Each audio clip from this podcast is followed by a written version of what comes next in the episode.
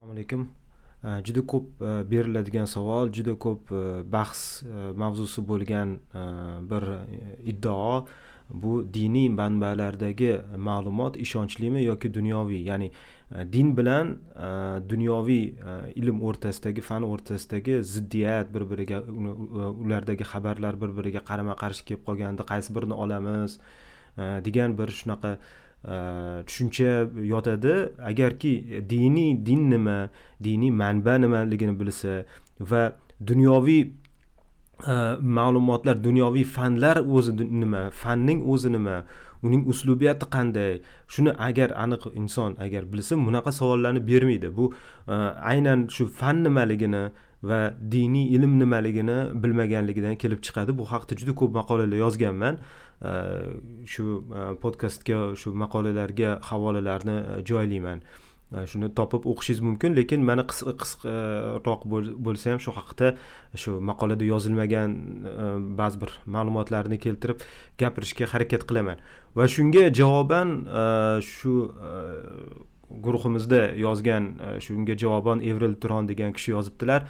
Diniy chunki naql aqldan ustun. Mana bu ham mana shu ham klishe e, bo'lib qolgan bir e, gap. E, bu to'g'ri gapmi noto'g'ri gapmi baho berib bo'lmaydi. Chunki ko'pchilik shuning ma'nosini tushunmaydi bu. Ya'ni hali yuqorida aytganimdek naql deyilganda nima tushuniladi? Ho'p bu naql bu diniy matnlar deyilgan bo'lsa ho'p aql nima unda? Unda aql nima? Aql inson aql. Shunaqa bitta insonni aqli bormi? O'zi mana shu e, e, naql e, naql bilan aql bir biriga zid kelib qolsa biz naqlni ustun qo'yamiz. Yoki naql bilan aql bir biriga zid kelib qolinsa biz aql yuritishga buyurilganmiz. Shuning uchun naql aqlga zid kelishi mumkin emas shu aqliy dalilni olamiz. Degan mana shu bahsni ko'pchilik to'g'ri tushunmaydi. U tarafning iddaosini ham to'g'ri tushunmaydi. Bu tarafning iddaosini ham yaxshi tushunmaydi va tushunmasdan turib e, yoki u taraf yoki bu taraf xuddi shaxmatning donachalariga o'xshab e, rangi e, u rangi bu rangi o'tkazib olib bahs bahsga yurishib kirishib ketib qolishadi. Bu ham bu ham noto'g'ri pozitsiya. Oldin u taraf ham nimani nazarda tutayotgani va bu taraf ham nimani nazarda tutayotgani aslida bahs nimani ustida ekanligi. Siz hozir ko'pchilik tushunmasdan ha bu e, naql bilan aql bir biriga teskari narsa bo'lib qolarkan degandek tushuncha kirib shu tushuncha bilan qaraysizlar bu masalaga. Aslida u taraf yoki bu taraf bahs yurituvchilar butunlay boshqa boshqa narsalar nazarda tutganligidan bexabar bo'lib yuraveradi. Shu qayta qayta gapiraman. Bilim va tushuncha illyuziyasi bilimsizlik va tushunmovchilikdan ham yomon narsa. Bu bilmaslik tushunmaslik ayb emas. Lekin o'zini bildim deb e, yoki tushundim deb shu narsaga chuqur ishonib qolish mana shu xavfli eng xavfli xatarli narsalardan biri. Shaxsan man ham hamma narsani bilaman shu narsani tushunaman. Oxirigacha tagiga yetib shuni bildim e, e, deb ayta olmayman. Lekin buni ustida ozgina bo'lsa ham bir harakat qilib ko'rdim tushunishga harakat qilib ko'rdim. U tarafni ham bu tarafni ham eshitib o'qib tushunishga harakat qildim va ba'zi bir tushunchalar menda hosil bo'ldi va bu tushunchalarni mendagi tushunchani mutlaq haqiqat deb e, hisoblamayman. Buni inkor qiluvchi yoki shunga e'tiroz asosli e'tirozlar bo'ladigan bo'lsa shularni eshitib E, shularni inobatga olishga man hamisha tayyorman. Lekin keling shu oldin shu aslida bu bu ikkita ikkita har xil iddaoda diniy manbalar ishonchlimi yoki dunyoviy manbalar? Diniy manba nima dunyoviy fan nima? Shuni ajratib olaylik. Keyin din bilan aql o'rtasidagi e, diniy naql bilan shu aql o'rtasidagi ziddiyat masalasini ham tushunib olaylik. Aslida nima haqida bahs bo'lganligini. Keyin bu haqida yana batafsil fikr yuritsa bo'ladi. Yana nima deyishibdi? Yana shunga javoban bir qanaqangi bir bema'ni bir videorolik jo'natishdi. O'sha bema'ni videorolik qilib mana shunga qarab dinning munosabatini ko'rsa bo'ladi. Bekorlarni aytibsiz hurmatli aa xafa bo'lmangku lekin bunaqa uslub to'g'ri emas. Shu aqlga to'g'ri keladi. Siz aqlni ustun tutadigan bo'lsangiz aqlga to'g'ri keladigan bir ko'rsatkich emas u gapirgan odam ham bilmayman kontekstdan qanaqa kontekstda aytilyapti bilmayman. Lekin shu agar vне kontekstda kontekstdan tashqari qaraladigan bo'lsa juda qo'pol judayam bir xunuk judayam bir e, nima hikmatsiz gap bo'lgan. Nima bo'lgan taqdirda ham. Mayli bu u kishining ishi. Biz bu qandaydir epizodlarga qirqma gaplarga qarab xulosa chiqarmasligimiz kerak. Biron agar jiddiy masala bo'ladigan bo'lsa qisqagina bir roliklarni kesib shu roliklar asosida fikr e, yuritmasligimiz kerak. Balkim shu masalani chuqurroq o'rganishga harakat qilishimiz kerak emasmi? Aql shu narsani taqozo qilmaydimi? Hurmatli aa demak davom etamiz. Keyingi shu hozir qismida e, shu masalaga e, oydinlik kiritishga harakat qilaman qo'limdan kelganicha. E, juda qisqa qilib aytamiz. Diniy manba deyilganda asosan agar islom dini haqida gapiradigan bo'lsak birinchi o'chirin birinchi navbatda diniy matnlar nazarda tutiladi. Bu diniy matnlarga bu qur'on va sahih hadis sahih hadis kiradi bu. Э, va diniy э, manbalarning vazifasi э, g'oyib ya'ni transsendent olamdan kelayotgan bir bu borliqdan moddiy borliqdan tashqari bo'lgan e, yana bir borliq bor. Mana shu borliqdan xabarni yetkazish e, mana shu borliqdan e, inson o'z aqli tajribasi kuzatuvi bilan topa olmaydigan bir ma'lumotni olish. Bu ma'lumot nima? Bu insonning hayotining mazmuni bilan bog'liq bo'lgan bir narsa. Bu hayotda bu hayotda yashash bu dunyoda yashashning mazmuni shu moddiy dunyoning o'zidan topib bo'lmaydi. Mana gilgamesh tarixidan bilsa bo'ladi bu eposidan bilsa bo'ladi va sizga e, hattoki eng dunyoviy olimlar ham e, ateist bo'lsa ham aytadi sen bu moddiy e, olamni o'rganib sen o'zingcha qandaydir ma'no mazmun topmaysan aksincha sen bu ma'no mazmunni o'zing o'ylab topib ahamiyat bering o'zing o'ylab topib mana shu mazmun ma'no bilan yashashing mumkin deyiladi. Go'yoki inson bu borliqdan moddiy borliqdan transsendent alohida bo'lgan holda shu ma'no topish mumkin bo'lgandek. E, dindorlar ham xuddi shunday e, gapiradi. Bu borliqdan bizning shu ongli idrokli mavjudot o'laroq bu e, olamda yashashimizdan ma'no va mazmun bu moddiy borliqning o'zidan kelib chiqmaydi u tashqaridan kelgan bo'lishi kerak. Mana shu diniy manba diniy xabarlar vahiy orqali keladi. Moddiy moddiyat orqali emas vahiy orqali kuzatuv emas empirik tajribalar orqali emas aynan shu e, e, g'ayb olamidan vahiy ko'rinishda payg'ambarlar e, vositasida bu ma'lumot insoniyatga keladi. Mana shu diniy manba deyiladi va uning uslubiyatiga ko'ra maqsadiga ko'ra butunlay boshqachaki dunyoviy fanlardan endi dunyoviy fan nima? Dunyoviy fan bu moddiy borliq e, va ijtimoiy insonlar o'rtasidagi ijtimoiy ba'zi bir e, yoki bir insonning individning ichidagi psixik olamiga bog'liq bo'lgan ba'zi bir e, ma'lumotlarni va qonuniyatlarni olib chiqish va ularni jamlab muntazam bayon qilish nazarda tutiladi. Va hech qachon ayniqsa oxirgi fanning oxirgi hozirgi zamon Э, nima deymiz? Xulosasi shuki u hech qachon absolyut mutloq haqiqatga da'vo qilmaydi. Chunki absolyut mutloq haqiqat u faqat tashqaridan e, transsendent holda belgilangan bo'lishi mumkin. Biz mutlaq haqiqatga da'vo qilmaymiz. Bizning kuzatuvlarimiz bizning e, shu ilmiy fan o'zimiz o'ylab topgan chiqargan e, xulosa asosida e, bu logika asosida formal mantiq asosida va boshqa boshqa turli xil uslubiyatlar asosida biz chiqargan xulosalar shundan iborat va uning mutlaq haqiqatiga da'vo qilmaymiz. Chunki unga teskari keluvchi yani yangi faktlar yangi qonunlar yangi kashfiyotlar chiqishi mumkin va shu eskisidan voz kechib yangisiga qabul qilamiz va bu narsa beto'xtov davom etib kelyapti. Siz hozir mana shu fan biz biz uchun haqiqat ko'rinayotgan fan bu bilasizmi? Aysbergning bir uchi bu shu okean dunyo okeanida suzib yurgan aysbergning uchi. Uni ostida qanchadan qancha ziddiyatlar xatolar e, inkor qilingan murakkab va go'zal e, bir nazariyalar e, qanchadan qancha yotibdi. Uni shu bizning hozir iste'mol qilib kuzatayotgan bir fanning ixtirolari bu mingdan biri ham emas bu. Tushunasizmi? Bu hattoki hozirgi kungacha fan shunday rivojlanadi. Lekin bu fan uchun bu mutloq bo'lmaslik mutloq haqiqat bo'lmaslik fan uchun e, bu normal narsa bu bu oddiy narsa. Endi bu haqda e, ja gapimiz cho'zilib ketmasligi uchun bu haqda yozgan shu maqolalarimga shu e, agar vaqtingiz bo'lsa agar haqiqatdan mendan shu e, javobni kutadigan bo'lsangiz shu javobni topasiz e, deb o'ylayman qisman bo'lsa ham. Va shu e, javoblarga shu e'tirozlar e, bo'lsa bemalol yozing audio yoki matn ko'rinishida yozishingiz mumkin ko'rib chiqamiz. Ana endi keyingi masalaga o'tamiz. Aql bilan naql bir biriga zid kelish masalasiga o'tamiz. Ho'p endi juda mashhur bo'lgan bahslardan bittasi aql bilan naql bir biriga zid kelsa nima bo'ladi? Deyilgan narsa savol qo'yiladi. Ho'p naql nimaligini bilyapmiz. Aql nima unda?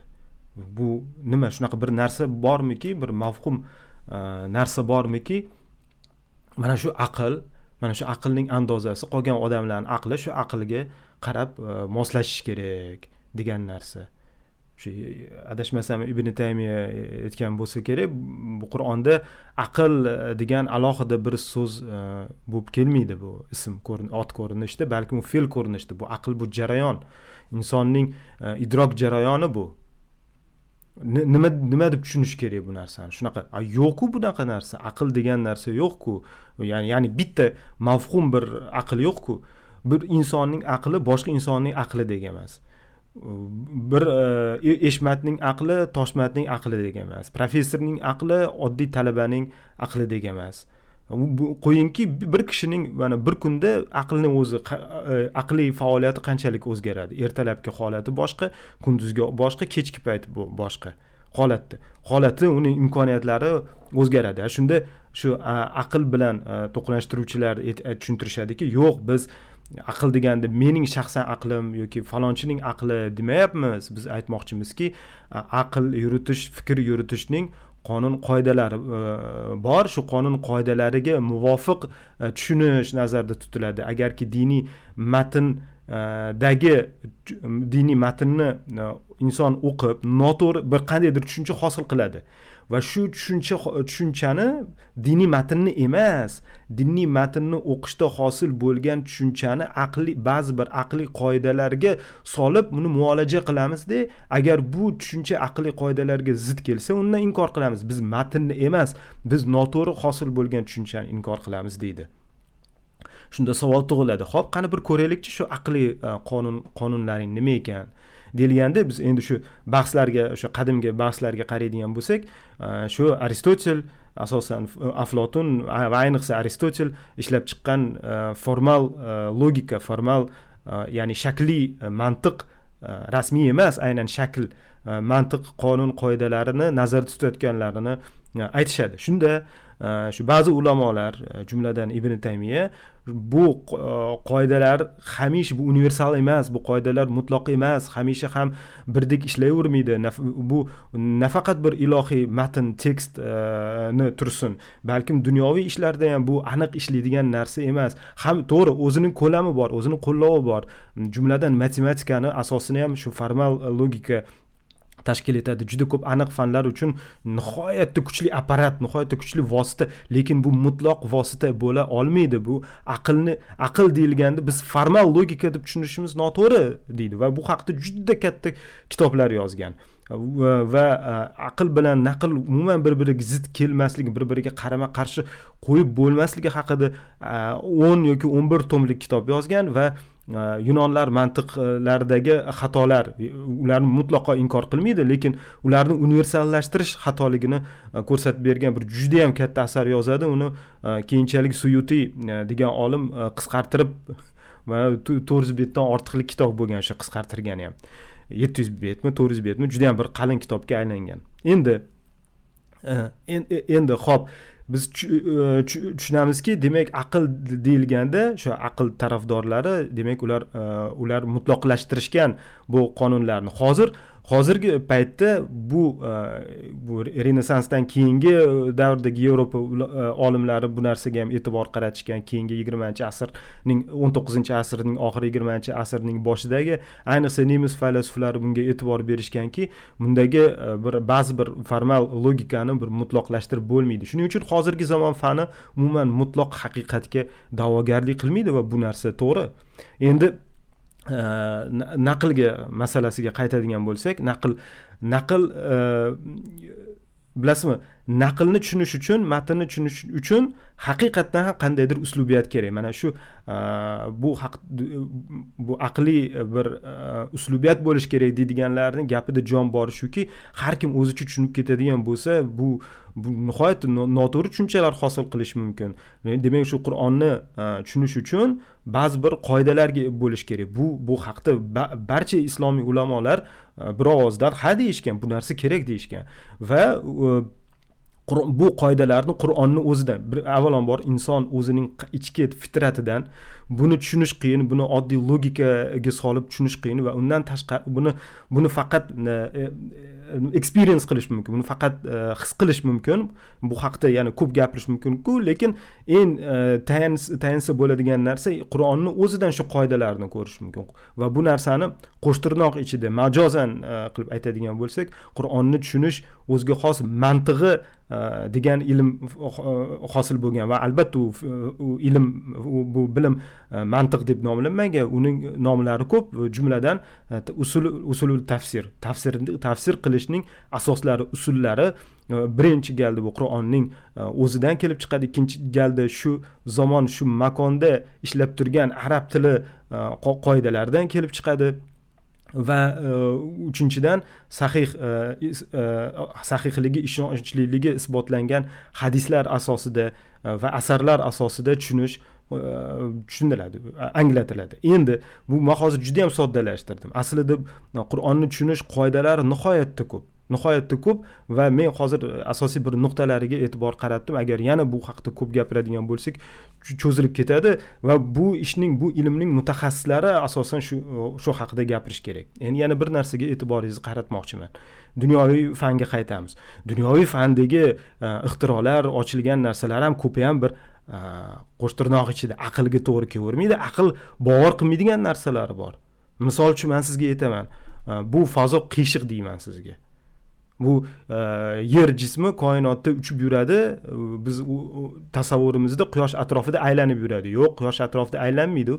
To'ppa to'g'ri uchadi faqat fazo shunaqa qiyshib shu quyosh e, massasi nihoyatda e, katta bo'lganligi uchun u fazoni qiyshaytirib qo'yadi va yer shu e, to'g'ri emas go'yoki shu quyoshni atrofida aylanib yuradi. Aslida bu to'g'ri uchib ketyapti chunki vakuumda havosiz e, moddasiz bo'lgan Э, bo'shliq ichida fazo ichida jism bir xil tezlikda faqat va faqat to'g'ri uchadi. Yer to'ppa to'g'ri uchyapti lekin u aylanib quyosh atrofida aylanib qolganligi sabab fazo qiyshaygan deydi. Endi siz ha endi deb ishonib ketaverasiz. Hop deysiz. Mana misol uchun shu e, ilmiy asosga ega bo'lganligi uchun shu narsani to'g'ri deyman lekin keling shu aqlingizga soling siz. Fazo qanaqa qilib qiyshiq bo'ladi? Qiyshiq nima bo'ladi? Qiyshiq bu bir jism bo'lsa qiyshiq bo'lishi mumkin to'g'ri bo'lishi mumkin. To'g'rimi? Bundoq qilib burib qo'y. A bo'sh narsa qanaqa qilib qiyshiq bo'ladi? Qanaqa qilib? E, siz bu narsani fiziklarga aytsangiz endi sani aqling qabul qilmasin mani muammoyimmi deydi. Mana deydi bu e, fan bu fanning e, kashfiyoti formal logika asosida qurilgan nihoyatda mavhumligi baland matematik formulalarga va jumladan kuzatuvimizga javob beradi. Boshqacha biz tushuntirib bera olmaymiz. Hop nega fazoni qiyshiq deysan bo'sh narsa qanaqa qilib qiyshiq bo'ladi. Keyin qiyshiq bo'lish degan aynan shu fe'l bilan e, tushuntirib e, e, tushuntirib musulmon mantig'i bilan javob beryapman evril yozyapti yo'q siz musulmon mantig'ini bilmaysiz. Siz bilmagan narsangiz haqida gapiryapsiz. Hozir mana shu izohlarga ko'zim tushib javob beryapman. Xullas uh, fan odam aytadiki manda boshqa so'z yo'q. Bu fazoni fazo deyman. Shu agar bu formulalar shunaqa qiyshiq qilib ko'rsatayotgan bo'lsa qiyshiq deyman. Manda men tushunaman bu oddiy maishiy aqlga to'g'ri keladigan gap emas bu. Lekin manda boshqa instrument yo'q deydi. Va u gapida jon bor. Qani bu yerda aqlga ham to'g'ri kelmayaptiku lekin biz bu narsani haqiqat deb olamiz. Yana e, ilmiy haqiqat deb olamiz. Mutloq haqiqat deyishga ham hali e, odam tili aylanmaydi endi yana boshqa narsa bor. Formal logikaga javob bermaydigan ba'zi bir e, ilm fan kashfiyoti kashfiyotlari bor. Bu nima? Bu hozir eng ko'p mana shu youtubeda o'qishingiz mumkin. Agar fiziklar mani to'g'irlasin agar noto'g'ri gapirayotgan bo'lsam. Zarraning xos xususiyati to'lqinmi yoki zarra ko'rinishdami? Shu mikro mikro mikro mikro zarra xususiyati uning kuzatuvchisiga bog'liq. Ya'ni kuzatuvchi qaysi nuqtai nazardan qarayotgan bo'lsa uni xususiyati shunaqa o'zgaradi. Bu mutlaqo aristotelning e, shu formal logikasiga zid keladigan narsa. Chunki haqiqat bitta bo'ladi. Barcha asoslarga ko'ra barcha asoslarga ko'ra bitta va faqat bitta e, xulosaga kelish mumkin. Shu e, vaqtning o'zida ikkita har xil xulosaga kelib bo'lmaydi va bu xulosa obyektiv bo'ladi. Insonning kuzatuvidan e, qat'iy nazar u haqiqatligicha shundayligicha qoladi. Agar man shunchalik tushunadigan bo'lsam. A bu yerda bo'lsa kuzatuvchiga bog'liq. Bu narsa shu nils bor bo'lsin va nils borga o'xshagan fiziklarga shu narsa e, feynmanlarga shu narsa aytilsa aytishadiki hop biz nima qilib bera olamiz? Biz buni matematik e, ehtimollar nazariyasi asosida tuzilgan matematika asosida tushuntirib bera olamiz. Lekin shu narsani biz kuzatyapmiz. To'g'ri bu aqlga sig'maydi. Lekin bu bu shunaqa nima qilamiz endi? Va shunga o'xshagan bir e, murakkabliklar shunga o'xshagan juda bir qiziq uh, E, holatlar borki agar shu narsalarni tushunsangiz bilsangiz mana bunaqangi e, e, qanaqadir primitiv vulgar bir xulosalarga kelmagan bo'lardingiz. E'tiboringizni yana bu haqida batafsilroq yozgan maqolalarimga qarataman. Agar qiziq bo'lsa o'qishingiz mumkin.